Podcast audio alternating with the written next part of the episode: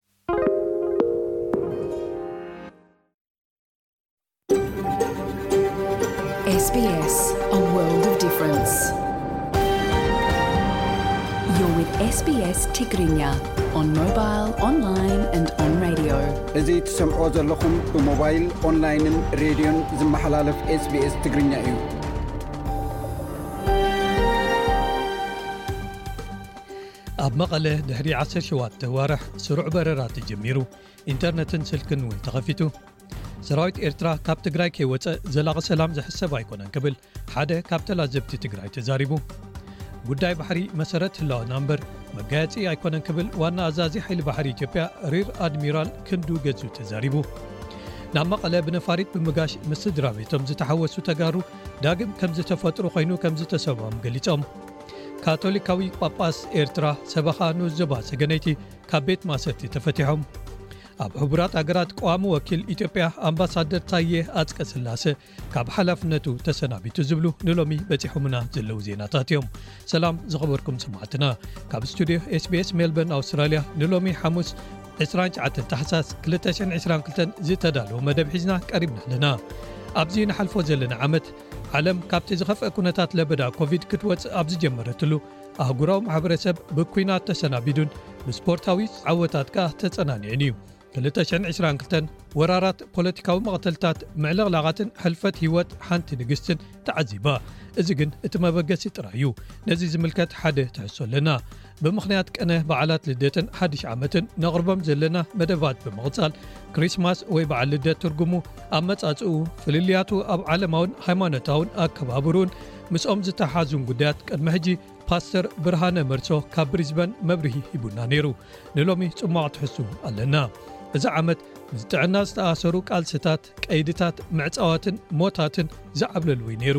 እንተኾነ ግን ተመራመርቲ ስነ-ፍልጠት ፍወሳታት ክታበታትን ሕማም ዘጥፍኡ መድሃኒታትን ንምርካብ ኣብ ዝሰርሑሉ ነቶም ዝሓመሙን ነቶም ሓደስቲ ጸገማት ጥዕና ከየሕምቖም ፍርሒ ዘለዎምን እቲ መጻኢ ብሩህ ይመስል ኣሎ።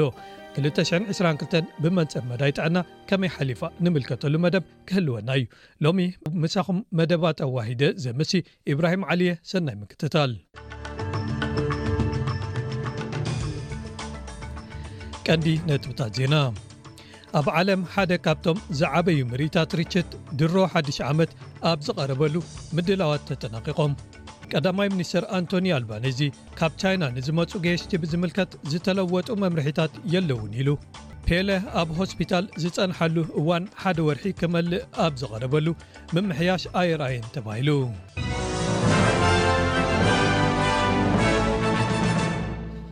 ድሕሪ ናይ ክልተ ዓመት ዝሑላት ወይ ከዓ ዕቡሳት በዓላት ናይ ሲድኒ ፍሉጥ ዝኾነ ድንድል ሃርበር ወይ ሃርበር ብሪጅ ድሮ ሓድሽ ዓመት ብ100,000 ርችታት ሰማይ ብብርሃን ዘማዕርጉ ክደምቕ እዩ ሰብ መዚ ከባቢ 1 ሚልዮን ሰባት ሓድሽ ዓመት ንምብዓል ዝበለፁ ቦታታት ኣብ ዙርያ ሲድኒ ሃርበር ክእከቡ ትፅቢት ይገብሩ። ብድምር ዓሰርተ ሰለስተ ሽሕ ኣብ ኣየር ዝፍነዉ ጠራዕራዕት ሰማያት ከተማ ሲድኒ ከኹልዕዎ'ዮም። ሻብዓይ ወለዶ ክኢላ ተተኮስቲ ርችታት ዝኾነ ፎርቱናቶ ፎቲ ስድርኡ ዝውንንዎ ርችታት ዘዳሉ ኩባንያ ን ዕስራን ሓሙሽተን ዓመታት ንበዓላት ድሮ ሓድሽ ዓመት ሲድኒ ከካይድዎ ፀኒሖም'ዮም።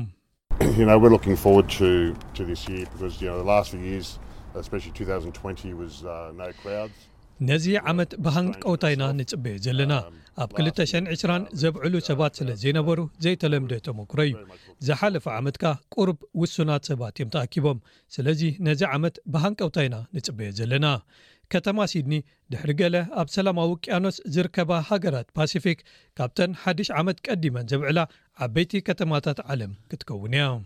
ኣውስትራልያ ገለ ካልኦት ሃገራት ግዴታዊ መርመራታት ኮቪድ ዓሰርተ ትሽዓተ ኣብ ዘተኣታትዋሉ እብ ዘለዋ እዋን ካብ ቻይና ናብ ኣውስትራልያ ንዝመጽኡ ተጓዓዝቲ ገየሽቲ ዝምልከቱ መምርሒታት ለውጢ ከይትገብረሎም ወሲና።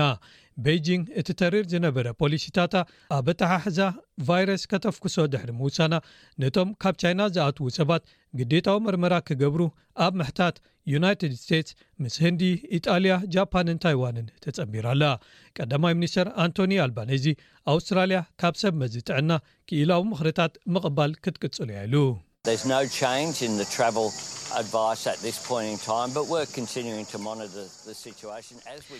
ኣብዚ እዋን'ዚ ኣብ ምኽርታት ብዛዕባ ጉዕዞ ዝተለወጠ የለን። ግን እቲ ኩነታት ምክትታል ንቐጽሎ ኣለና። ከምቲ ጽልዋ ኮቪድ ኣብዚ ኣብ ኣውስትራልያን ኣብ ከባቢ ዓለምን ንከታተሎ ዘለና፣ ቀዳምነትና ኣውስትራልያውያን ክሳብ ዝከኣለና ድሕነቶም ክንሕሉ እዩ። እዚ ዝመጽእ ዘሎ ሚኒስተር ንግዲ ኣውስትራልያ ዶን ፋረል፣ ቻይና ኣብ ልዕሊ ኣውስትራልያ ኣንቢራቶ ዝጸንሐት ዕስራ ቢልዮን ዶላር ዝግመት እገዳ ንግዲ ከተልዕሎ እቶም ምልክታት ኣወንታዊ እዮም ክብል ኣብ ዝኣወጀሉ እዩ። እንተኾነ ግን እቲ ውሳነ ገና ኣይተወስደን። ሰነተር ፋረል ኣብ ክንዲ ናብ ቤት ፍርዲ ምኻድ ነቶም ጉዳያት ንግዲ ብዘተ ክፈትሖም ምስ መዘንኡ ዋንግ ዋንታኦ ንምርኻብ ናብ ቻይና ምብጻሕ ክፍጽም ሕጉስ እየ ኢሉ። እቶም ምስ ቤጂንግ ኣብ ክትዕ ወይ ምክርኻር ዘለዉ ኣርባዕተ ምህርታት ሰደድ ስገም፣ ነቢት ስጋን ክረይፊሽ ዝተባህለ ምህርቲ ባሕርን እዮም። ቀዳማይ ሚኒስተር ኣውስትራልያ ነበር ስኮት ሞሪሰን ኣብ ልዕሊ ኣርባዕተ ሚእቲ ሚልዮን ሰባት ዝተንከፈ ናይ ትዊተር መዝገብ ሓበሬትኦም ተቐርሲኑ ተባሂሉ ዝተገመቱ ካብ ብዙሓት ፍሉጣት ሰበስልጣናት ሓደ ምዃኑ ተገሊጹ ሓደ ቀርሳኒ ናይዞም ተተንኪፎም ዘለዉ ተጠቀምቲ ውልቃዊ ሓበሬታ ትዊተር 300,000 ዶላር እንተዘይከፊልዎ ክሸጦ ምዃኑ ኣጠንቂቑ ኣሎ። ናይቲ ቀዳማይ ሚኒስተር ኣብ ባይቶ ወይ ፓርላመንት ዝጥቀመሉ ኢመይል ኣድራሻ፣ ስም ተጠቃምን ስልኪ ቁጽሪን ኣብ ሓደ ናይ ቀርሰንቲ መድረኽ ዘተ ኣብ ዝተጓሕፈ ሓበሬታ ተረኺቦም። ፕሬዚደንት ዩኤስ ነበር ዶናልድ ትራምፕ እውን በዚ ካብ ዝተተንከፉ ምዃኑ ተፈሊጡ ኣሎ። ጳጳስ ፍራንሲስ ነቶም ቅድሚኦም ዝነበሩ ጳጳስ በነዲክት ኣዝዮም ሓሚሞም ስለ ዘለዉ ክጽለየሎም መጽዋዕታ ኣቕሪቦም። ፍራንሲስ ነዚ ሃንደበታዊ ምሕጽንታ ዘቕረቡ ድሮ'ቲ ረቡዕ ዝህብዎ መልእኽቲ እዩ።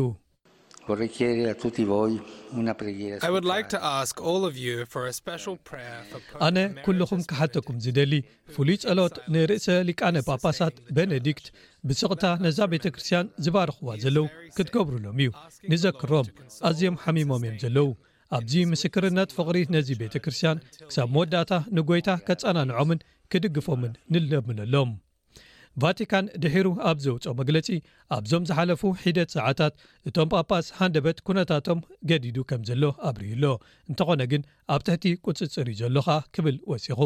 ቀጻሊ ሕክምናዊ ክትትል ውን ይግበረሎም ኣሎ። ቤኔዲክት ኣብ ክልተ ሽሕን ዓሰርተ ሰለስተን ክወርዱ እንከለው ኣብ ሽዱሽተ ሚእቲ ዓመታት ቀዳማይ ከምኡ ዝገበሩ ጳጳስ ኮይኖም፣ ካብ ሽዑ ንደሓር ኣብ ቫቲካን እዮም ክነብሩ ጸኒሖም። ሓደ ሳሕቲ ዝረኣ ህቦብላ ንፋስ ዝሓለፈ ሰሉስ ኣብ ምዕራብ ቦሊቪያ ንእትርከብ ኤል ኣልቶ ድሕሪ ምህራሙ ብውሕዱ ሓሙሽተ ኣባይቲ ዓንዮም። ናይቲ ከባቢ ኣመሓደርቲ እቲ ህቦብላ ኣብ ሓጺር ግዜ ኣብ ውሽጢ ሒደት ደቓይቕ ተፈጢሩ ናሕስታት ቦንቂሩ ኣልዒሉን መናድቕ ብዙሓት ገዛውቲ ኣውዲቑን ንነበርቲ እቲ ከባቢ ከኣ ኣሰንቢዱ ኢሎም። ሃገራዊ ኣገልግሎት ሜትዮሮሎጂን ሃይድሮሎጂን እቶም ንፋሳት ከባቢ ኣርባዓ ኪሎ ሜትር ኣብ ሰዓት ናህርን ዕስራ ኪሎ ሜትር ዝኸውን ሰንጣቒት ነይርዎም ክብሉ ሓቢሮም ኣለው። ዝሓለፈ ረቡዕ ዕስራን ሸሞንተን ታሕሳስ ካብ ከተማ ዓዲቐይሕ ስሳ ኪሎ ሜትር ንሸነኽ ምብራቕ ኣብ ዞባ ሰሜናዊ ቀይሕ ባሕሪ ኣብ ዝርከብ ቦታ ኣብ ሰዓታት ዕራርቦ ጸሓይ ኣርባዕተ ነጥቢ ሓሙሽተ ዓቐን ኣብ ሬክተር ስኬል ዝነበሮ ምንቅጥቃጥ መሬት ኣጋጢሙ። እዚ ማእከላይ መጠን ዝነበሮ ምንቅጥቃጥ ዓሰርተ ኪሎ ሜተር ዕምቆት ነይርዎ። እቲ ቀንዲ ማእከል ናይቲ ምንቅጥቃጥ ወይ ኤፒሰንተር ኣብ ገለዓሎ ምንባሩ ምንቅጥቃጣት መሬትን እሳተ ጎመራን ዝከታተል መርበብ ሓበሬታ ቮልካኖ ዲስካቨሪ ዶት ኮም ንማእከል ምርምር ስነ መሬት ጀርመን ብምጥቃስ ኣስፊሩ። ድሕሪኡ ምሸት እውን ኣርባዕተ ነጥቢ ትሽዓተ መለክዒ ኣብ ሬክተር ዘለዎ ካልእ ምንቅጥቃጥ ኣጋጢሙ ክብል ንዩኤስ ጂኦሎጂካል ሰርቨይ ብምጥቃስ ኣስፊሩ። እዚ ምንቅጥቃጥ ምናልባት ካብቲ ዕለት ዕስራን ሽዱሽተን ታሕሳስ ኣብቲ ከባቢ ኣጋጢሙ ዝነበረ ሓሙሽተ ነጥቢ ሓደ ዝዓቐኑ ከቢድ ምንቅጥቃጥ መቐጸልታ ወይ ኣፍተርሾክ ክኸውን ይኽእል እዩ ክብል እቲ መርበብ ሓበሬታ ኣስፊሩ። ድኹማት ምንቅጥቃታት ክሳብ ስሳን ክልተን ኪሎሜትር ርሒቓ ኣብ እትርከብ ከተማ ዓዲግራት ሰብዓን ክልተን ኪሎ ሜተር ርሒቓ ኣብ እትርከብ ዓዲ ቐይሕን ሚእትን ዕስራን ሸውዓተን ኪሎ ሜተር ርሒቓ ኣብ እትርከብ ከተማ መቐለን ከም ዝተሰምዐ እቲ መርበብ ሓበሬታ ኣስፊሩ ኣሎ።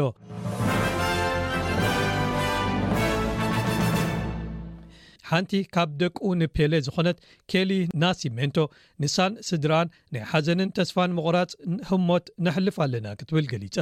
ንሳ ነዚ ዝገለጸት እቲ ወዲ ሰማንያን ክልተን ዓመት ህቡብ ተጻዋታይ ኩዕሶ እግሪ ነበር ኣብ ሆስፒታል ዝጸንሓሉ እዋን ወርሑ ክመልእ ኣብ ዝተቓረበሉ እዩ።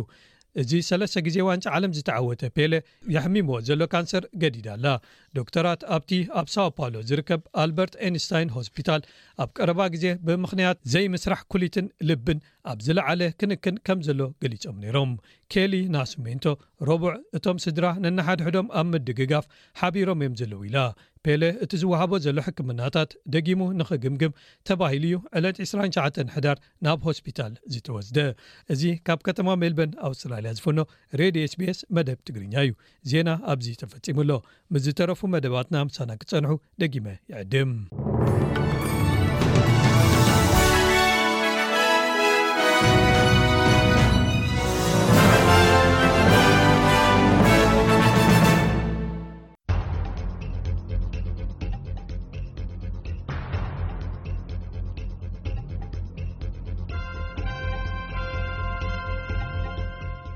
ኣብዚ ንሓልፎ ዘለና ዓመት ዓለም ካብቲ ዝኸፍአ ኩነታት ናይቲ ለበዳ ክትወጽእ ኣብ ዝጀመረትሉ ኣህጉራዊ ማሕበረሰብ ብኲናት ተሰናቢዱን ብስፖርታዊ ዓወታት ከኣ ተጸናኒዑን እዩ 222 ወራራት ፖለቲካዊ መቕተልታት ምዕልቕላቓትን ሕልፈት ህይወት ሓንቲ ንግስትን ተዕዚባ እዚ ግን እቲ መበገሲ ጥራይዩ ነይሩ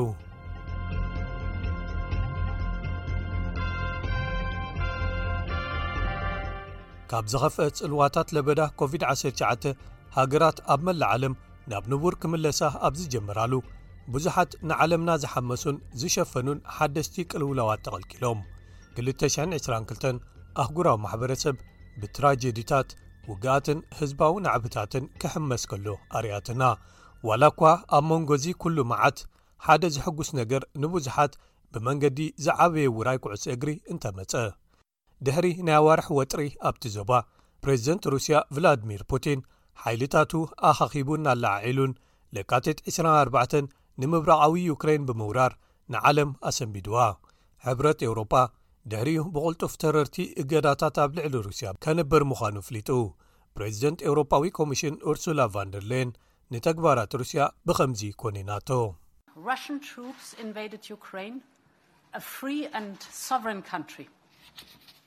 ወተሃደራት ሩስያ ንዩክረይን ወሪሮማ። ሓንቲ ነፃን ሉዓላዊትን ሃገር ሕጂ እውን ደጊሞም ኣብ ማእከል ኤውሮጳ ሰላማውያን ደቂ ኣንስትዮ ደቂ ተባዕትዮን ህፃናትን ይሞቱን ንህይወቶም ይፈርሑን ኣለዉ ንሕና ነዚ ጨካን መጥካዕትን ተንኮላዊ መጎተታት ንዕኡ ምኽንያታዊ ንምግባርን ንኹንን ፕሬዚደንት ፑቲን እዩ ሕጂ እውን ናብ ኤውሮጳ ኩናት ዘምፅእ ዘሎ እቲ ልክዕ ቁጽሪ መወቲ ኣብዚ ግጭት ኣብዚ ሕጂ እዋን ክትዕቅኖ ብጣዕሚ ዘይከኣል እዩ፣ ግን ዝበዝሑ ግምታት ነቶም ሞታት ኣብ ዓሰርተታት ኣሽሓት የቐምጥዎም። በቲ ካልእ ወገን ከኣ ትሕተ ቅርጺ ዩክረይን ብመጥቃዕታት ኣየር ሩስያ ናብ ፍጹም ዕንወት ተደናዲኑ። ግጭት ኣብ ማእከላይ ምብራቕ እውን ተወሊዑ እዩ፣ ብምኽንያት ኣተሓሕዛ ደቂ ኣንስትዮ በቲ ብሃይማኖታውያን መራሕቲ ዝእለ ቲኦክራስያዊ መንግስቲ ዓበይቲ ተቓውሞታትን ኣድማታትን ኣብ ኢራን ተራእዮም። መስከረም ዓሰርተ ሽዱሽተ ሓንቲ ጓል ዕስራን ክልተን ዓመት ኢራናዊት ጓል ኣንሰይቲ ማህሳ ኣሚኒ ሕጃባ ብግቡእ ኣይተሸፈነቶን ተባሂላ ሞራል ወይ ኣከዳድና ብዝከታተሉ ናይታ ሃገር ፖሊስ ድሕሪ ምትሓዛ ኣብ ትሕቲ ቀይዲ እንከላ መይታ። ሓደ ምንቅስቓስ ሓፋሽ ተቓውሞታት ፈጢሩ። ኣንጻር መንግስታዊ ጎነጽን ኣተሓሕዛ ደቂ ኣንስትዮ ኣብታ ሃገርን ጎስጓስ ተቓውሞታት ገይሮም። ኢራናዊት ተጣባቒትን ተቓዋሚትን ማሲሕ ዓሊ ነጃድ፣ ደቂ ኣንስትዮ ቅድሚ ሕጂ ተራእዩ ብዘይፈልጥ ቁጠዐን ይገልጻ ኣለዋ ኢላ።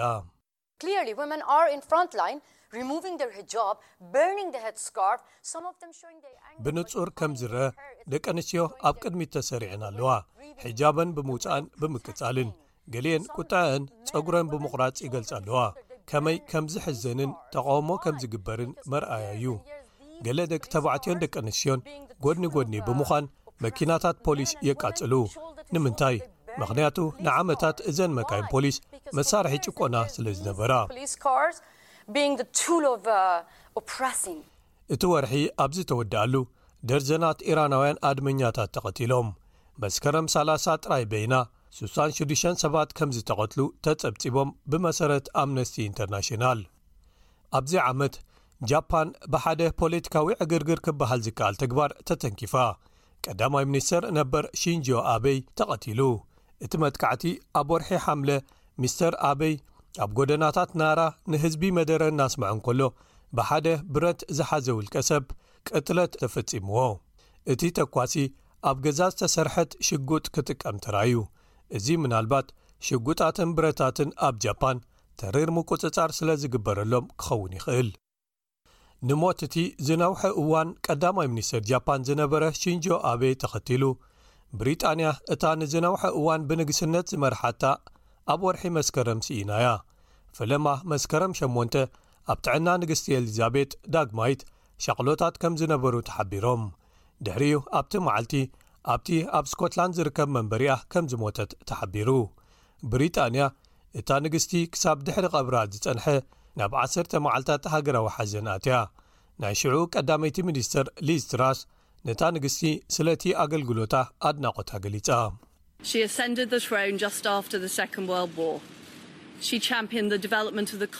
ናብ ንግስነት ዝደየበት ድሕሪ ካልኣይ ኲናት ዓለም ነይሩ።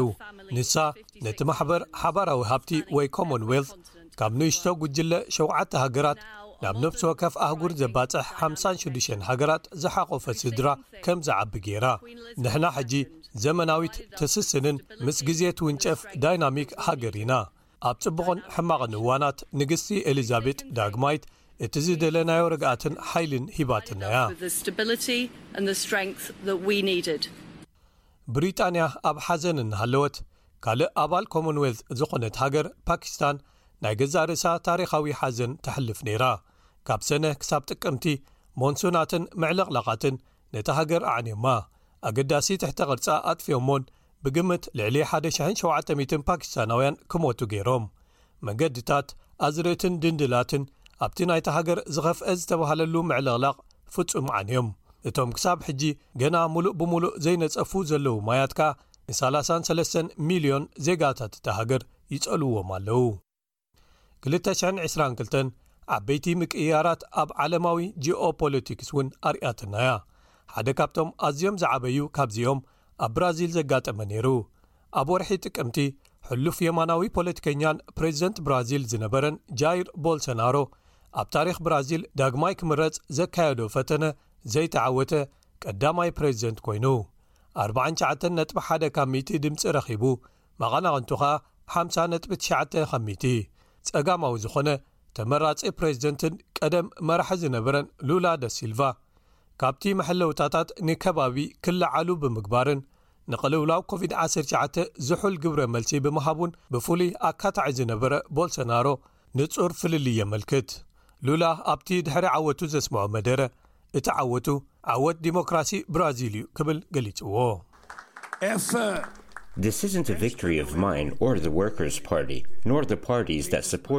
እዚ ናተይ ዓወት ወይ ዓወት ሰልፊ ሰራሕተኛታት ኣይኮነን፣ ናይቶም ኣብዚ ጎስጓስ ዝደገፉኒ ሰልፍታት'ውን ኣይኮነን። እዚ ዓወት ናይቲ ልዕሊ እዞም ፖለቲካዊ ሰልፍታት፣ ውልቃዊ ረብሓታትን ስነ-ሓሳባትን ዝተመስረተ ዲሞክራስያዊ ምንቅስቓስ እዩ። ስለዚ እቲ ዲሞክራሲ እዩ ዕዉት ኮይኑ ዝወጸ።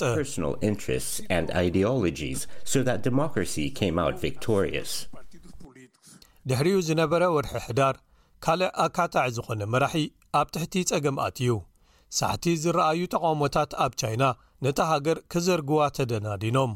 ብዙሓት ከተማታት ኣብ ቀንዲ መሬት ቻይና በቲ ኣካታዒ ዝኾነ ኣተሓሕዛ ኮቪድ ዚሮ ብዝተቖጥዑ ኣድማ ዘካይዱ ተናዊጸን። እቶም ኣድማታት ብዓብዩ ነበርቲ'ቲ ከባቢ ህጹጽ ሓገዝ ንዝህቡ ሰራሕተኛታት ዓጊቱ ነቲ ኩነታት ኣጋዲድዎ ኢሎም ዝኸስዎ መምርሒታት ቀይድታት ምንቅስቓስ ካብቲ ዓሰርተ ሰባት ዝቐተለ ኣብ ዞባ ሺንሺያን ሕዳር ዕስራን ኣርባዕተን ዘጋጠመ ሓዊ ተላዒሎም ዝተኻየዱ እዮም። እቲ ምንቅስቓስ ኣብታ ብምዕፋን ፖለቲካዊ ምፍልላይ እትልለ ሺ ጂንፒንግ ዝመርሓ ቻይና ተራእዮም ዘይፈልጡ እዮም። ከም ግብረ መልሲ ነዞም ኣድማታት ኣብ ገለ ከተማታት ቻይና ኣድላይነታት መርመራ ኮቪድን መምርሒታት ውሸባን በብቕሩብ ምስ ተቓለሉ ነበርቲ ቤይጂንግን ሻንሃይን እፎይታ ተሰሚዕዎም እዩ። ነዛ ኣዝያ ጋዕገልጠም ዝበዝሓ ዓመት ኣብ ምዝዛማ፣ ደገፍቲ ኩዕሶ እግሪ መላእ ዓለም ኣብ ሓደ ታሪኻዊ ዝኾነ ዋንጫ ዓለም መጻናንዒ ረኺቦም።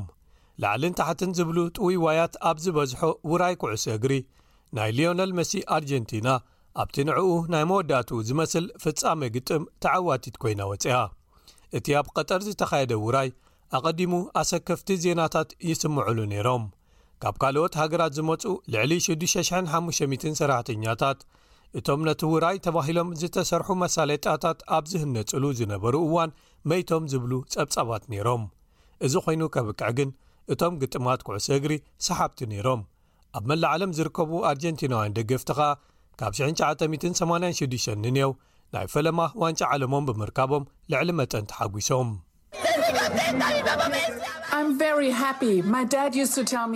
ኣነ ኣዝየ ተሓጒሰ ኣለኹ። ኣቦይ ቀደም ቫለንቲና ኣነ ኣርጀንቲና ዋንጫ ዓለም ክትዕወት ክትርእያ ይደልየኪ እየ ይብለኒ ነይሩ። ሕጂ እዚ ሓጐሰይ ምስኡ ክካፈሎ ክኽእል እየ። እቲ ዋንጫ ዓለም ብብዙሓት መዳዩ ንክልተ ሽሕን ዕስራን ክልተን ዝውክል ነይሩ። ብክትዓትን ምክርኻራትን ዝተዓብለለ ግን ከኣ ብዘይ ጥርጥር ድሕሪ ናይ ዓመታት ምዕጻዋትን ቀይድታትን ብዙሓት ከብዕልዎ ሕጉሳት ክኾኑሉ ዝገበረ።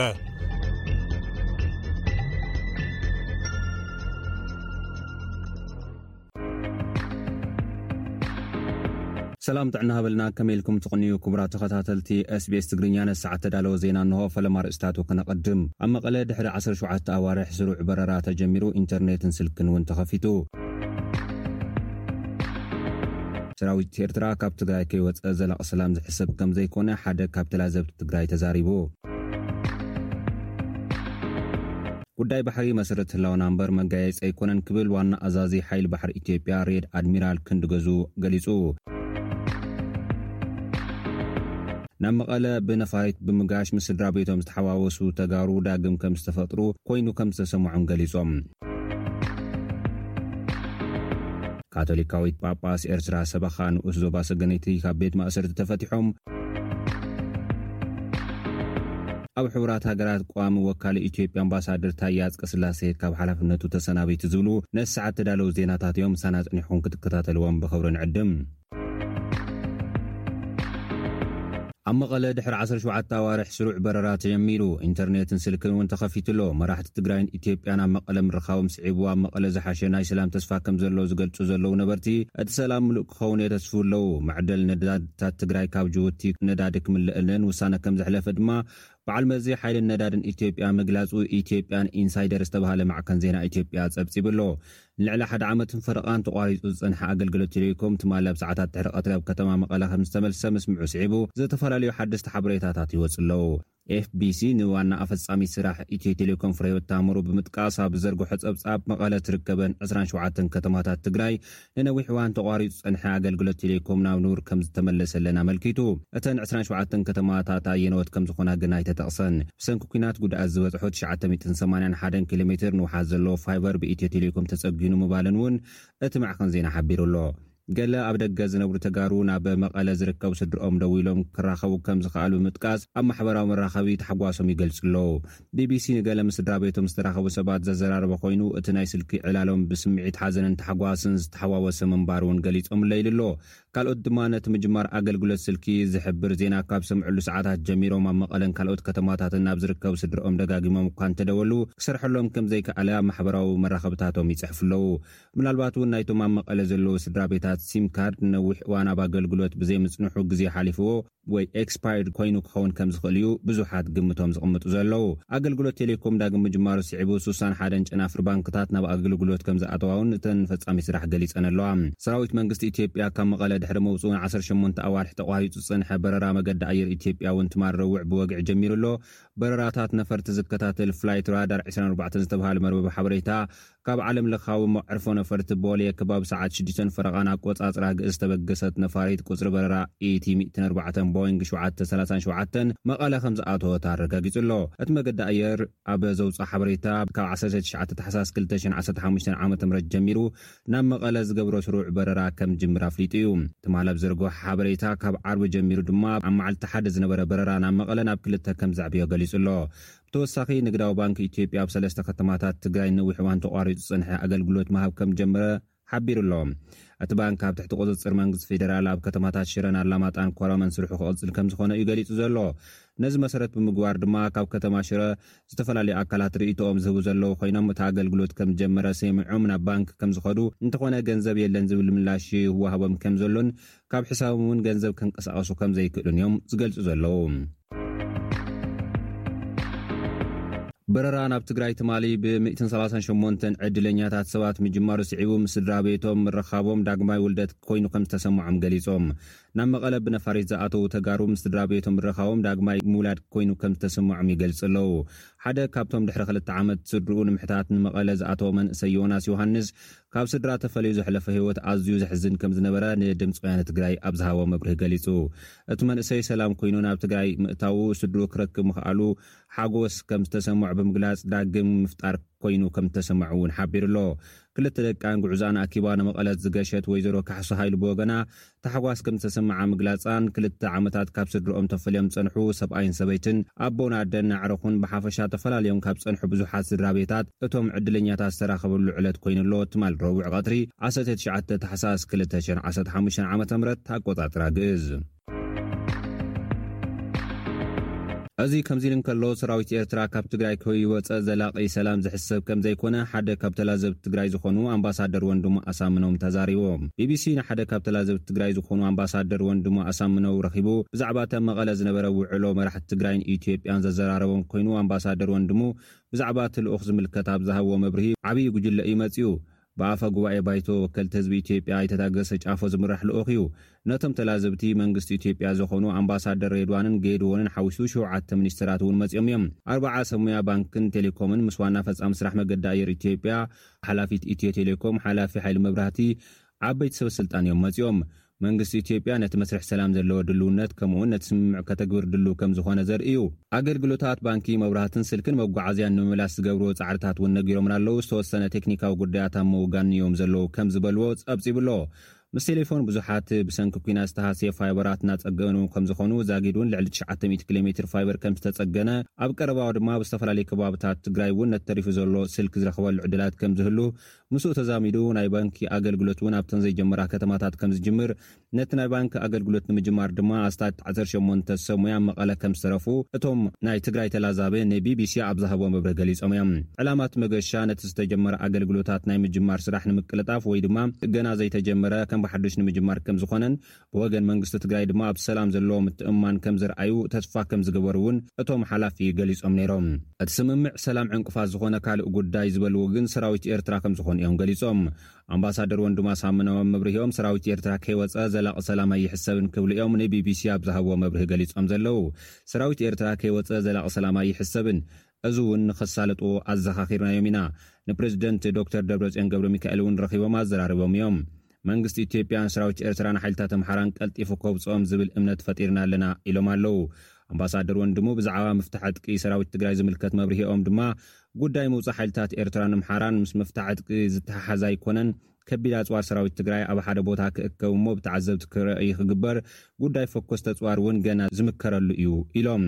ንሕና እቲ ከበድቲ ኣጽዋር ኣዳሊናዮ ኣለና፣ ሰራዊት ኤርትራን ሓይልታት ኣምሓራን ምውጻእ ምስ ጀመሩ ድማ ናብቲ ዝተዳለወ ቦታ ከነቐምጦ ኢና፣ እዚ ኣብ ናይ ረቡብ እውን ዘቲናሉ ኢና፣ ስለዚ ኣብ ቀረባ መዓልታት ክጅመር እዩ ኢልና ንኣምን ዝበሉ ኮይኖም ኣምባሳደር ሬድዋን ሑሴን ብወገኖም ብመሰረት ኣብ ዝሓለፈ ሰሙን ኣብ ናይሮቢ ዝተበጽሐ ምርድዳእ ሎማዕንቲ ሓሙስ ከበድቲ ኣጽዋር ምርካብን ሰራዊት ምክልኻል ኢትዮጵያ ኣብ መቐለ ሕገ መንግስታዊ ሓላፍነቱ ምፍጻም ክቕጽል ትጽቢት ከም ዝግበር ቅድሚ ሰለስተ መዓልቲ ብትዊተር ኣብ ዘርግሖ ሓበሬታ ገሊጾም ነይሮም እዮም።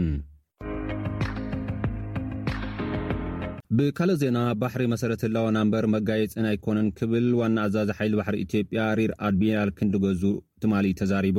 እቲ ኣዛዚ ትማል ኣብ ዝሃቦ መብርሂ፣ ኣፍደገ ባሕሪ ዘይብላ ኢትዮጵያ ንምንታይ ስለ ባሕሪ ትዳሎ ዝበሃል ነገር የለን ክብል እዩ ተዛሪቡ።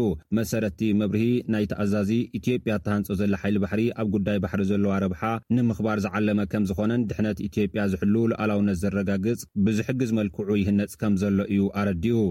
ናይ ሓይሊ ባሕሪ ኣካዳሚ ኣዛዚ ዝኾነ ኮማንደር ከበደ ሚካኤል፣ ኣባላቱ መሰረታዊ ናይ ውትህድርናን ባሕርን ታዕሊም ዛዚሞም ሕጂ ሞያዊ ስልጠናታት ማለት ብኢንጂን፣ ኤለክትሮኒክስ፣ ናቪገሽን፣ ኣርማመንትን ከምኡ ድማ ብስልጠና ኮሙኒከሽን ይህነጹ ከምዘለዉ ኣብቲ ዝሃቦ ምብርሂ ገሊጹ'ሎ። ካቶሊካዊ ጳጳስ ኤርትራ ሰበኻ ንኡስ ዞባ ሰገነይቲ ካብ ቤት ማእሰርቲ ተፈቲሖም። ኣብ ወርሒ ጥቅምቲ ክልተ ሽሕን ዕስራን ክልተን ኣብ ካብ ናይ ኣውሮፓ መገሻ ናብ ሃገሮም ክምለሱ ከለዉ ኣብ መዕርፎ ነፈርቲ ኣስመራ ብሰበስልጣን ኤርትራ ትድለዩ ኣለኹም ተባሂሎም ዝተወስዱን ዝነበርዎ ቦታ ውን ብንጹር ከይተፈልጠ ዝጸንሐን ኣቡነ ፍቕረማርያም ሓጎስ ትማል ረቡዕ ከም ዝተፈትሑን ናብ ቁምስንኦም ከም ዝተመልሱን ምስቲ ጉዳይ ቅርበት ዘለዎም ወገናት ንዝተፈላለዩ ማዕኸናት ዜና ገሊጾም። ምስኦም ኣብ ሓደ መዓልቲ ዝተኣስሩ ቆሞስ ሰገነይቲ ኣባ ምሕረተኣብ ውን ምስኦም ከም ዝተፈትሑ ተገሊጹ ኣሎ።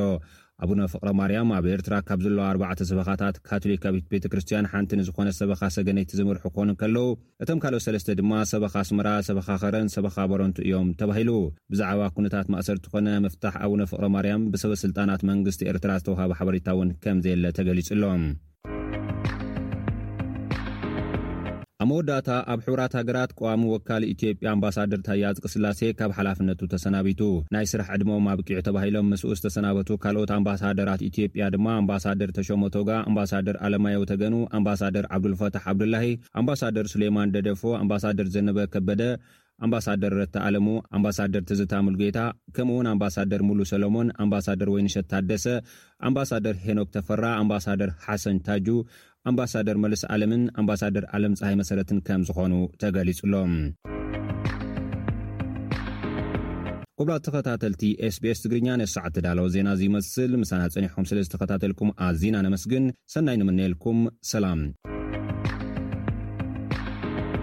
ክቡራት ሰማዕትና ብምኽንያት ቅነ በዓላት ልደትን ሓድሽ ዓመትን ነቕርቦም ዘለና መደባት ብምቕጻል ክሪስማስ ወይ በዓል ልደት ትርጉሙ ኣብ መጻጽኡ ፍልልያቱ ኣብ ዓለማውን ሃይማኖታውን ኣከባብርኡን ምስኦም ዝተሓዙን ጉዳያት ቅድሚ ሕጂ ምስ ፓስተር ብርሃነ መርሶ ካብ ስላሰ ወንጌላዊት ቤተክርስትያን ኣብ ብሪዝበን ተዘራሪብና ወይ ዕላል ኣካይድና ኔርና። ንሎሚ ጽሟቕ ትሕዝትኡ ካብዚ ቀጺሉ ክቐርብ እዩ። ሰማዕትና ሰማዕቲ ሬድዮ ስቤስ ብምኽንያት ክሪስማስ ወይ ድማ በዓል ልደት የሱስ ክርስቶስ ምስ ፓስተር ብርሃነ መርሶ ካብ ስላሴ ወንጌላዊት ቤተ ክርስትያን ኣብ ብሪስበን ብዛዕባ ልደት ገለ ክብለና ተቐሪብሎ የቐኒልና ፓስተር ብዝተፈላለዩ መገድታት ይበዓል ኣሎ ኣብ ኣውስትራልያ ኢና ዘለና ምናልባት ናይ ሓበሻ ናይ ባህልና ካልእ ልደት ክኾን ኽእል ኣውስትራልያውያን ካልእ ናይ ምዕራብ ዓለም እውን ብዝተፈላለዩ መልክዓት የብዕልዎ ኣለዉ ቅድሚ ናብቲ ትርጉምን ኣብ መፃፃ ልደት የሱስ ክርስቶስን ከመይ ከም ዝኾነ ምኻድና እንታይ ትዕዝብቲ እንታይ ስምዒት እዩ ዝፈጥረልካ ብዝተፈላለየ መልክዕ ክበዓል ከሎ ልደት? መቸም ዝተፈላለየ ዓይነት ስምዒት እዩ ዘሎ ዕስራን ሓሙሽተን መዓልቲ ክሪስማስ ደይ ስለ ዝኾነ ስድራ ብሙሉኡ ብሓንሳዕ ተኣኻኺቡ መግቢ ይበልዕ ይሰቲ ሎሚ በዚ ቦክሲንግ ደይ ካዓ ናብ ሾፒንግ ይኽየድ መዓት ህዝቢ ዳርጋ ሓደ ሚልዮን ክባሃል ይካኣል ብዙሕ ሚእቲ ሽሓት ዝኣኽሉ ኣብቲ ሾፒንግ ብዓት ገንዘብ ቢልዮናት ዝኣክል ዶላራት እንትወጽእ ትርኢ ግን ምስቲ ናይ መጽሓፍ ቅዱሳዊ ዝኾነ ናይ በዓል ኣከባብራ ናይ ጎይታና ኢየሱስ ክርስቶስ ምጽኣት ኣከባብራ ሓቢሩ ዘይኸይድ ነገር ትርኢ መብዛሕትኡ ቴስዓንታ ሚእቲ ምናልባት ታኡ ንላዕልና ብሓደ መልክዕ ብጣዕሚ ትሓዝን ምኽንያቱ እቲ ዋና ዝኾነ መሰረታዊ ሓሳዊ መጽሓፍ ቅዱሳውን ሰማያውን ዝኾነ ትርጉም ኣከባብራ ናይ ልደት ዘይኸውን ምዃኑ እንትትርኢ እንተለኻ ትሓዝን ብሓፈሽኡ ግን ሰብ ስራሕ ዓጽዩ ሂወት ኢንጆይ እንትገብር እንተሎ ዕረፍቲ እንትወስድ እንተሎ ጌት ትገዘር እንትገብር እንተሎ የሕጉሰካ ደስ ይብል ግን ብኻሊእ መልክዕ ከኣ ነቲ ዝተረድኦ ሰብ ከምዚ ከማና ምስ መጽሓፍ ቅዱስ ዝተትሓዘ ነገር ዝተረድኦ ሰብ ግን እቲ ህዝቢ ዋላ ሓደኳ ዘይፈልጥ ብምዃኑ እቲ ኣከባብርኡ ፈጺሙ እንተ ኣብቲ ዋና መሰረታዊ ሓሳቡ ዝረሓቐ ስለ ዝኾነ ብጣዕሚ ትሓዝን። ከምዚ ዓይነት ዝተፈላለየ ስምዒት ይስምዓካ። ሕራይ እሞ ናብቲ ናይ ብሓቂ ዝበሃል ብክርስትያናዊ መገዲ ክንሪኦ ምኽንያቱ ብመሰረቱ ውን ልደት ክበሃል ከሎ ምስ ምውላድ የሱስ ክርስቶስ ዝተተሓሓዘ እዩ እንታይ ክኸውን ኔርዎ ወይ ብኸመይ እዩ ኣመጻጽኣ ናይ ልደት ብመጽሓፍ ቅዱሳዊ ዓይኒ ወይ ብክርስትያናዊ መምዘኒ ክምዘን ከሎ ብኸመይ ኢኻ ትገልጾ? መቸም እቲ ግዜ እዚ ኣብ፣ ወልድ፣ መንፈስ ቅዱስ ዝበሃለ ኣለዉ እና እግዚኣብሔር ኣብ እቲ ወዱ እቲ ውሉዱ ወልድ ዝበሃል ኢየሱስ ክርስቶስ ናብ ምድሪ ኣብ ቅድስትን ድንግልን ማርያምን ውሽጢ ሓዲሩ ሰብ ሓጢኣት ምእንቲ ከውግደልና ንዓና ክብል ንክመውት ዝመጸሉ ግዜ እዩ መጽሓፍ ቅዱስ ኣብ ዮሐንስ ሰለስተ ዓሰርተ ሽዱሽተ በቲ ሓደ ወዱ ዝኣመነ ዅሉ ናይ ዘለኣለም ህይወት ምእንቲ ኺረክብ እምበር ከይጠፍእሲ፣ ንወዱ በጃ ኽሻዕ ዚህብ፣ ክሻዕ ኽንድዚ ንዓለም ኣፍቀራ ይብል። ፍቕሪ ኣምላኽ ዝተገለጸሉ እዩና። ኢየሱስ ክርስቶስ ወይ ከኣ እቲ ወልድ ድማ፣ ቁጽሪ ዓሰርተ ሓሙሽተ፣ ዓሰርተ ሰለስተ፣ ዮሃንስ እንታይ ይብል? ሰብ ንህይወቱ ኣብ ክንዲ ኣዕሩኹ በጃ ኺሕልፍ ካብዚ ዚዓቢ ፍቕሪ የልቦን ይብል። ጐይታ ኢየሱስ ክርስቶስ ህይወቱ ዝሃበሉ፣ እግዚኣብሔር ኣብ ንሰብ ፍቕሩ ዝገለጸሉ እዋን ኰይኑ፣ ሉቃስ ክልተ፣ ዝተፈላለየ ዓይነት መልክዕ ጐይታ እንትመጽእ እንተሎ እንታይ ይብል? እቶም መላእኽቲ፣ እቶም ጓሰይቲ፣ እቶም ጥበበኛታት ዝበሃሉ ብምሉኦም ብሓንሳእ ዀይኖም ዘምለኹሉ እዩ። ንኣብነት ኣብ ክልተ ሉቃስ ክልተ ዓሰርተ እንታይ ይብል? እንሆ ሎሚ መድሓኒ ይብል፣ መድሓኒ፣ ንሕሙም መድሓኒ ማለት እዩ፣ ኣብ ዓዲ ዳዊት ተወሊዱልኩም ስለ ዘሎ፣ ንሱ ኸዓ ክርስቶስ ጐይታ እዩ፣ ንዅሉ ህዝቢ ዝኸውን ዓብዪ ሓጐስ ኣበስረኩም ኣሎኹ ይብል። ንጻዕዳ፣ ንጸሊም፣ ንቈልዓ፣ ንዓብዪ፣ ንእሽተይ፣ ንሰብ ፍጥረት ኣዳም ዘበለ፣ ክሻዕ ሕዚ ንኹሉ ህዝቢ ዝኸውን ሰላም ተረኺቡ ኣይፈልጥን። እዚ ክርስቶስ እየሱስ ዝበሃል ብእግዚኣብሔር ኣብ ዝተሰደደ ኣብ ድንግል ማርያም ሓዲሩ ዝተወለደ ወልድ ዝበሃል እየሱስ ግን ንኹሉ ህዝቢ ዝኸውን ዓብዪ ሓጎስ ገይሮም እዮም ዘበሰርዎ። ስለዚ ሓደ ዓብዪ ሓጎስ እንትብሰር እንተሎ ብኹሉ መልክዕ እዩ ነይሩ እዚ ታሕጓስ። ማለትም ሰብ ጥበብ ዝበሃሉ ተሓጒሶም፣ መላእኽቲ ተሓጒሶም፣ ናይ ሰማይ ሰራዊት ምስ መላእኽቲ ኮይኖም ብስራት ተዛሪቦም እዩ ዝብል። ጓሶት ተሓጒሶም፣ ሃና እትበሃል ነብዪ ተሓጒሳ፣ ስምኦን ተሓጒሳ፣ ማርያም ተሓጒሳ። ስለዚ መድሓኒት ናይ ህዝቢ ናብ ምድሪ ዝመፀሉ እዋን ስለዝኾነ እግዚኣብሔር ክተምስግንን ክትሕጎስን ግቡእነት ዘለዎ ኮይኑ እዩ ዝረኣየኒ። ነገር ግን እንትተምስግን ማለት እንትትሕጎስ እንተለኻ ግን እግዚኣብሄር እናመስገንካ ደኣ እምበር ስኽ ኢልካን ካብ ናይ እግዚኣብሄር ምስጋና ወጻእ ዝኾነ ታሕጓስ ፈጺሙ ምስ መጽሓፍ ቅዱሳዊ ዝኾነ ኣተሓዛታት ኣይ ኣይኸይድን። እዚ ሰላም እዚ ከኣ ንኹሉ ኣህጉር ንኹሉ ፍጥረት ዝኸውን ሰላም እዩ እና እንተ ኣብዚ ዓይነት ዓብዪ ታሕጓስን ብስራትን ስለ ዘየለ ህዝቢ እግዚኣብሄር ከኽብሮን እግዚኣብሄርን ከመስግንን ብጣዕሚ እዩ ዘድሊ። ግን ከመይ ጌርና ነኽብሮ ንዝብል ነገር ግን ቅድም ቀዳድም እንታይ እዩ? ኵሉ ንኽብሩን ንምስጋንኡን እዩ ዝኸውን ስለ ዝብል፣ ንሕና እውን ኣብዚ ምድሪ እዚ እንተለና እግዚኣብሄር ክነምስግን ስለ ዝተፈጠርና፣ ኣምላኽ ንዓና ዝገበረልና ብምሉእ ኣስተውዒልና ብምርኣይ ዘየቋረጽና ኣምላኽና እነምስግነሉ። ካልእ ኸዓ ምስ ዝተጸገሙ ኣሕዋትና ዀይንና ብሓንሳእ እነምስግነሉ እዩ። ዝተጸገሙ ማለት ዝብላዕን ዝስተን ዝሰኣኑ ጥራሕ ዘይክኾኑ ይኽእሉ። በይኖም ዝቕመጡ ኣለዉ፣ ዝኣረጉ ኣለዉ፣ ኣላይ ዘየብሎም ኣለዉ። ምስኦም ኰይንና ብሓንሳእ እግዚኣብሄር እናምስገንና፣ እነምስግነሉ እነኽብሮ ክንኮን ይግባእ። እዚ ጸገም ምናልባት ናይ ቤተ ክርስቲያን ጸገም ድኽመት ድዩ እንታይ እዩ ዝረኣየካ ማለት እዩ ከምቲ ዝግብኦ ከይክበር ካብ ውሉድ ናብ ወለዶ ከይሓልፍ ክስሕት ዝገበሮ ነገራት እንታይ ኢልኩም መቸም እዚ ናይ ቅድም ኣትሒዙ ባክግራውንድ ክህልዎ እንድዩ ባይ ግን ብሓፈሽኡ እቲ ምድሪ እዙይ ዝዓለም እዚኣ ዝገዝኣ ሰይጣን እዩ እዩ ዝብል መጽሓፍ ቅዱስ እና ሰይጣን እንትገዝኣ እንተሎ እቲ ሓቀኛ ዝኾነ ናይ ንእግዚኣብሔር ክንህቦ ዝግብኣና ኣምልኾን ምስጋናን ክንስሕት ምእንቲ ዘኸእለና ዝተፈላለየ ዓይነት ነገር ኣሎ። ንኣብነት እዚ ክሪስማስ ትሪ ዝበሃል ዝኺሉ ዳርጋ ናይ ሎሚ ሽዱሽተ ሸውዓተ ሚእቲ ዓመት ኣብ ዝነበረ ግዜ ዝተጀመረ ኮይኑ ሰባት እዞም ባእድ ኣምልኮ ዘለዎም ጣኦታት ዘምልኹ ጎይታ ዘየምልኹ እግዚኣብሄር ዘየምልኹ ሰባት ቆጽላ መጽሊ ኣብ በሪ ገዝኦም ይገብሩ ነይሮም ብኡ እዩ ዝተጀሚሩ ከም ሰይጣን መባረሪ ዓይነት ነገር ገይሮም ብምጥቃም ብእኡ ኣቢሎም በረኸት ከም ዝረኽቡ ዝኣምኑሉ ዝነበረ ነገር እዩ። እግዚኣብሄር ዝበሃል ነገር ዘይኣምኑ ዝገብርዎ ነገራት። ንዓርሱ እዚ ኢድ ናይ ሳንታ እንብሎ ብርግጽ ምስ ሴንት ኒኮላስ ዝበሃል ጳጳስ እኳ ዝተተሓሓዘ እንተኾነ እዚኦም ኩሎም መጽሓፍ ቅዱሳዊ ደገፍ የብሎምን። እታ መጽሓፍ ቅዱሳዊ ደገፍ እንታይ እያ? እግዚኣብሄር ኣምላኽ ህዝቢ ስለ ዝፈተወ፣ ስለ ዝፈተዋ ነቲ ዓለም ወዱ ናብ ምድሪ ሰዲዱ። ናብ ምድሪ ተሰዲዱ እቲ ወዱ እንትውለድ እንተሎ ከኣ ፍጥረት ዘበለ ብምሉኡ ኣምሊኽዎ እግዚኣብሔር ከም ምስጋና ከም ዝረክብ ገይሩ። እዚ ዓይነት መንፈስ ብዘየብሉ ዓይነት መልክዕ ምካሉ ብሓደ መልክዕ እቲ ሰይጣን ኣብ ልዕሊ ሰባት ዝገብሮ ነገር ሰባት ከኣ እግዚኣብሔር የለን ዳርጋ ናብ ዝብልሉ ግዜ ወሲዶም ስኪሎም ፌስቲቭ ሲዝን በቃ ስኪልካ ናይ ምሕጓስ ግዜ ዝገበርዎ ምዃኑ ብኻሊእ መልክዕ ከኣ ብርግጽ ናይ ቤተ ክርስትያን ድኽመት እውን ኣሎ ግን እታ ቤተ ክርስትያን ከኣ ከም ድላያ ንኸይትንቀሳቐስ ዝሓዛ ሕገ ኣሎ በዚ በዚን ክንድዚን ምኽንያት ሰይጣን ሃጃክ ገይርዎ ወይ ከኣ ወሲድዎ እቲ እውነተኛ ዝኾነ ኣምልኾ ዘይብሉ ኮይኑ። ፓስተር ብርሃነ ምናልባት ሓንቲ ዘልዓልካያ እዚ ክሪችማስ ትሪ ወይ እዚ ጽሕዲ ጥልያን ዋላ ቤተ ክርስትያን እውን ከምኡ ትገብር እያ ኣብ ዝተፈላለዩ ኣብያተ ክርስትያናት ዋላ ወንጌላውያን ቤተ ክርስትያን ከምዚ ናታትኩም እውን ኣብ ቤተ ክርስትያነን ክሰቅላ ንርኢ ኢና ስለዚ እንዳ ተረድኦም ድዮም ዝገብርዎ ዘለዉ ወይስ ከይተረድኦም ማለት እዩ። ብኡነት እየ ዝብለካ መጽሓፍ ቅዱሳዊ ዝኾነ ድጋፍ ንማስረጃን ፈጺምና የብልናን እዚ ኩሉ ክንገብር ስቅ ኢልካ ብልምዲ ዝመጸ ራእዩ ሰብ ነንሓድሓዲኡ በሪ ገዝኡ ጌሩ ክሪስማስ ትሪ ጌሩ መብራህቲ ዘብርህ እምበር ፈጺምካ መጽሓፍ ቅዱሳዊ ዝኾነ ድጋፍ የብልናን እዚ ንኽንገብር እንታውዚ ኩሉ ንላዕሊ ሓሊፉ ክኸይድ ዝግብኦ ከኣ እዚውን ጌርካ እንተኾነ እቲ ንእግዚኣብሔር ዝወሃብ ምስጋና ኣሎ ዶ የለን፣ ጎይታ ዝገበረልና ነገር ነምስግን ዲና ኣይነምስግንን ኣብ ዝብል ነገር እቲ ዋና መሰረታዊ ዝኾነ ነጥቢ ጌርና እንተወሰድናዮ ዝበለጸ ክኸውን ይኽእል። ተራ ዘየለ ግን ናይ ሳንታ በሎ ናይዚ ትሪ ከምዚ ጌርካ ክሪስማስ ትሪ ጌርካ እንታይ እስታት ምግባር መጽሓፍ ቅዱሳዊ ድጋፍ ፈጺሙ ከምዘይብሉ እየ ዝኣምን ግን ብልምዲ ዝተልዓለ ግን ከም ዝበልካዮ ኣብ ኩሉ ቤተክርስትያናት እንትግበር ንርኢ። ምናልባት ደቅና ኣብዚ ይዓብዩ ኣለዉ፣ እቲ ባህሊ እቲ እውን ሒዞሞ እዮም ዝዓብዩ ዘለዉ። ምናልባት ኮንሰርን ወይ ከኣ ስክፍታ እንተልዩ ኣብ ብፍላይ ከምዚ ከማኻትኩም መራሕቲ ሃይማኖት ወይ እምነታት ቆልዑ ብኸመይ ንኽዓብዩ ወይ እንታይ ዓይነት ትምህርቲ እንዳተዋህቦም ክዓብዩ በቲ ሓደ ወገን እውን እቲ ባህሊ ዝዓቢ ዘሎ ኣብዚ ዓዲ እውን ኣሎ ስለዚ ናይ ምግርጫው ነገራት ኣይፍጠርን ዶ? ከመይ ጌርካ ኢኻ ንኹሉ ባላንስድ ወይ ከኣ ምዕሩይ ዝኾነ ሂወት ክተሕልፈሉ ኩነታት ክፍጠር ዝኽእል? ኣብ በዓላት ይኹን ብምስታፍ፣ በቲ ሓደ ወገን ድማ ሃይማኖትካ ኤክሰርሳይስ ብምግባር፣ ኣብዚ ዘሎ ምዕሪይ ወይ ባላንስ ምሕላው ከመይ ይከኣል ኢልካ ትኣምን? ብርግጽ እቲ ትብሎ ዘለኻ ብጣዕሚ መሰረታዊ ዝኾነ ሕቶ እዩ።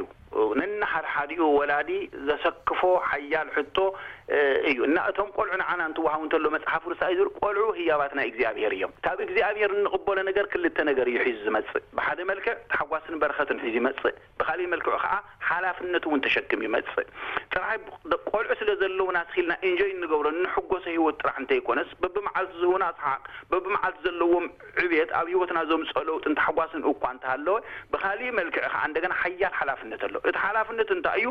እግዚኣብሄር ፈሪሖም፣ እግዚኣብሄር ኣኽቢሮም ንኽዓብዩ ናትና ሓላፍነት እዩ። ጽባሕ ንግሆ ናትና መሕዘንትን ናይ እግዚኣብሄር ከኣ መሕዘንትን ከይኾኑ፣ ካብ ኩሉ ንላዕሊ ኸኣ ህይወቶም ዝተጸየቐ ከይኾን፣ ከመይ ጌርና ደኣ ነዕብዮም ዝብል ነገር፣ ብመጀመርያ ደረጃ ኣብቲ ፋሚሊ ውሽጢ ዝረኣ ናይ ሰብኣይን ናይ ሰበይትን ናይቶም ዝዓበዩ ቆልዑን ዘሎ ሂወት ንዓኣቶም ዓብዪ ኢንፍሉዌንስ ኣለዎ።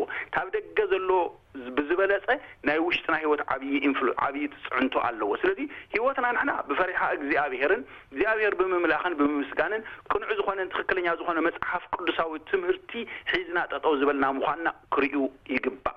ኣብዚ ልዕሊ እዚ ከኣ ናይ ቆልዓ ርእሲ ጋና ብንእሽተይ ኣትሒዙ፣ ወዲ ሰለስተ ኣርባዕተ ዓመት ኣትሒዙ፣ ኣብ ኣእምርኡ ዝመልኦ ዘበለ ብምሉኡ ዓብዪ ናይ ህይወቱ መንገዲ ዝመርሕ ስለ ዝኾነ ብተለቪዥን እንህቦ ይኹን እንህቦ መጽሓፍ ይኹን እዚ ብምሉኡ ምስ ክርስትያናዊ ኣስተምህሮ ዝኾነ ምስ መጽሓፍ ቅዱሳዊ ኣስተምህሮ ዝኾነ ጌርና ባላንስ ጌርና ክነዕብዮ ይግባእ። እንድሕር ኣብ ውሽጢ ገዛና ብስርዓት ውሽጡ ተመሊኡ ብኣግባቡ ዓብዩ ወጺኡ ኣብ ደገ ዘሎ ክንዲ ዚኣክል ጽልዋ ክኾነይ ኣይክእልን። ስለዚ ካብ ኩሉ ንላዕሊ ከኣ ሰብ ናይ እግዚኣብሔር ነገር ኣብ ልዕሊ ደቁን ኣብ ልዕሊ ሕይወቱን እንተ ገይሩ እቲ ናይ እግዚኣብሔር ነገር ሓይሉን ካብቲ ናይቲ ዓለም ነገር ስለ ዝወጽእ ዓብዪ ሓላፍነት ዘለና ምዃኑ ክንፈልጥ ይግብኣና እዩ።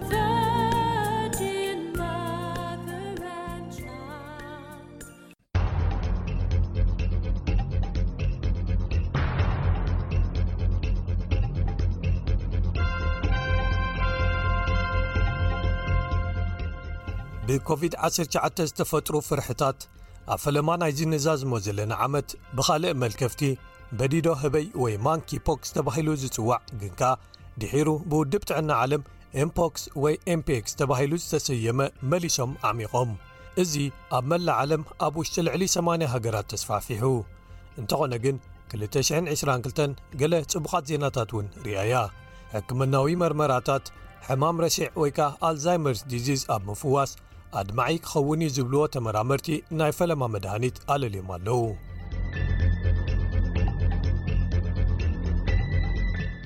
እዚ ዓመት ምስ ጥዕና ዝተኣሳሰሩ ቃልስታት ቀይድታት ምዕጻዋትን ሞታትን ዝዓብለልዎ ነይሩ። እንተኾነ ግን ተመራመርቲ ስነ ፍልጠት ፍወሳታት ክታበታትን ሕማም ዘጥፍኡ መድሃኒታትን ንምርካብ ኣብ ዝሰርሑሉ ነቶም ዝሓመሙን ነቶም ሓደስቲ ጸገማት ጥዕና ከየሕመቕዎም ፍርሒ ዘለዎምን እቲ መጻኢ ብሩህ ይመስል ኣሎ እዚ 222 ብመንጽር መዳይ ጥዕና ንምልከተሉ እዩ ንልዕሊ ሰላሳ ዓመታት ምርምር ብዛዕባ ሕማም ረሲዕ ወይ ኣልዛይመርስ ዲዚዝ ድሕሪ ምክያድ ተመራመርቲ ኣብ መወዳእቱ ነዚ ሕማም ዘዝሕል ወይ ቀስ ዘብል መድሃኒት ኣለና ኢሎም ኣብ ሓደ መጽናዕቲ 1800 ኣብ ቀዳሞት ደረጃታት እቲ ኣእምሮ ዝሰርቕ ሕማም ዝነበሩ ሰባት ን18 ኣዋርሕ ዝኣክል ሌካነማብ ወይ ሓደ ናይ ሓሶት ወይ ዘይጓዳእ ነገር ብሰራውር ደሞም ተዋሂብዎም ኣብ ግዜ እቲ መጽናዕቲ ኣብቶም ሌካነማብ ዝተዋህቡ ሰባት እቲ ሕማም ናብ ዝቕጽል ደረጃ ክሰግር ዘለዎ ተኽእሎ ብሳላሳን ሓደን ካብ ሚእቲ ቐኒሱ ኣብ ፈለማ ቴስዓታት ጆን ሃርዲ ሕጂ ፕሮፌሰር ኒውሮሳይንስ ኣብ ዩኒቨርሲቲ ኮሌጅ ለንደን ትካል መጽናዕቲ ስርዓተ ነርቭታት ወይ ከኣ ኢንስቲቱት ኦፍ ኒውሮሎጂ ዘሎ ኣባል እታ ንፈለማ ግዜ ኣብ ሕማም ኣልዛይመርስ ዝፍጠር ወይ ዝህሉ ምቅይያር ኣብ ኣማይሎይድ፣ Amyloid Mutation፣ ዘረጋገጸት ጉጅለ ተመራመርቲ ነይሩ። እቲ ሽዑ ዘቕረብዎ ኣፈናዊ መደምደምታ ከኣ ልክዕ ነይሩ፣ ካብ ሓንጎል ኣማይሎይድ እንተጽሪኻዮ ወይ እንተኣሊኻዮ ንጥዕና ወይ ብሕክምናዊ ዓይኒ ጠቓሚ ዝኾነ ጽልዋ ክርከብ ይኽእል'ዩ ዝብል እዩ።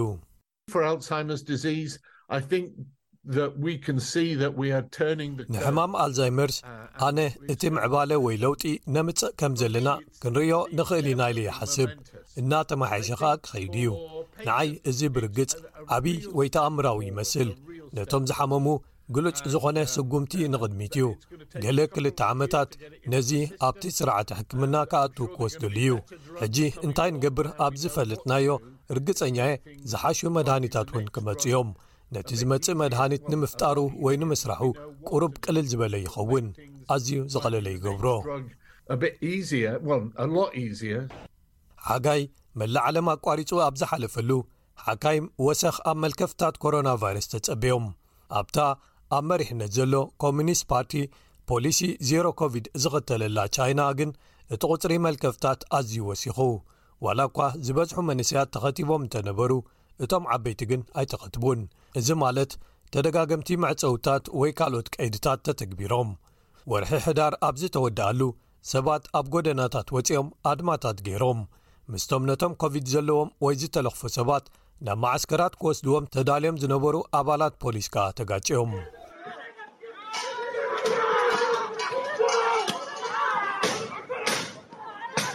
ተመራመርቲ ኣብ መላእ ዓለም ፖሊሲ ዜሮ ኮቪድ ይሰርሕ ከም ዘይነበረ ኣጠንቂቖም እዮም ፕሮፌሰር ኣነሊስ ዋይልደር ስሚት ተመራማሪት ተመሓላለፍቲ ሕማማት ካብ ለንደን ስኩል ኦፍ ሃይጂንግ ኤንትሮፒካል ሜዲሲን ክትገልጽ እንከላ ቻይናውያን ማሕበረሰባት ሕማም ናይ ምክልኻል ዓቕሞም ከማዕብሉ ኣይፍቀደሎምን እዩ ነይሩ ኢላ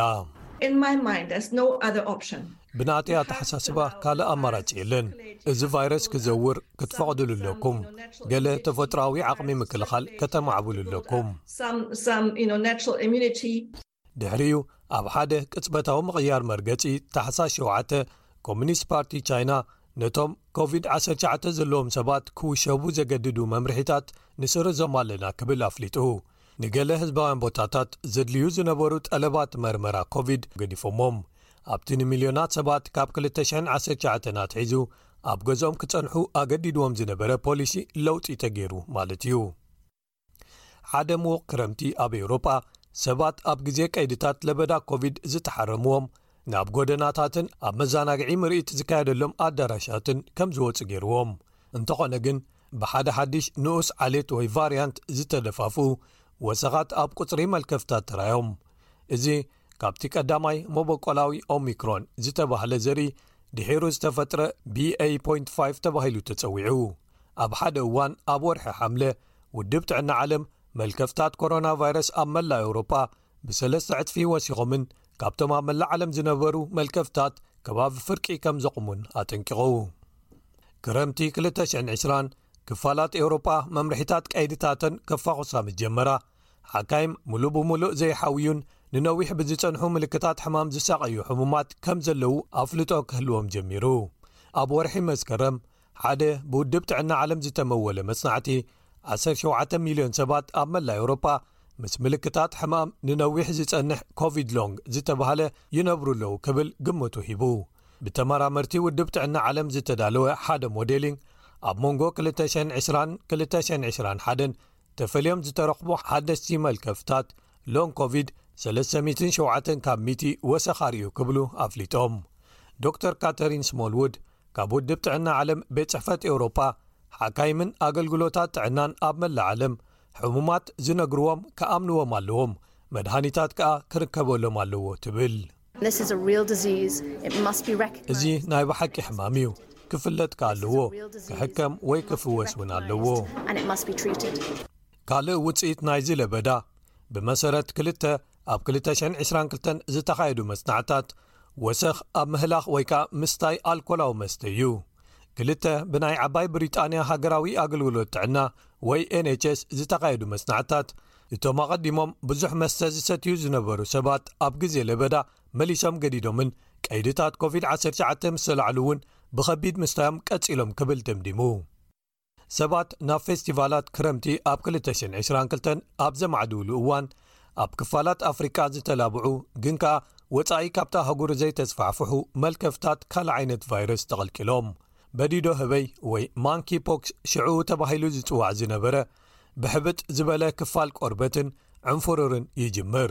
ሰራሕተኛታት ህዝባዊ ጥዕና እቲ ቫይረስ ንውሕ ዝበለ እዋንን ኣዚኹም ብምቅርራብን ቆርበት ንቆርበት ብምትንኻፍን ዓራት ሽጎማኖን ክዳንን ብሓባር ብምጥቃምን ይመሓላለፍ ክብሉ ይገልጹ ፕሮፌሰር ሎረንስ ያንግ ካብ ዩኒቨርሲቲ ዋርዊክ ሜዲካል ስኩል ነቲ ክትቈጻጸሮ ይከኣል እዩ ኢሎም ርእሰ ተኣማንነት ካብ ዝነበሮም ብዙሓት ክኢላታት ተመሓላለፍቲ ሕማማት እዩ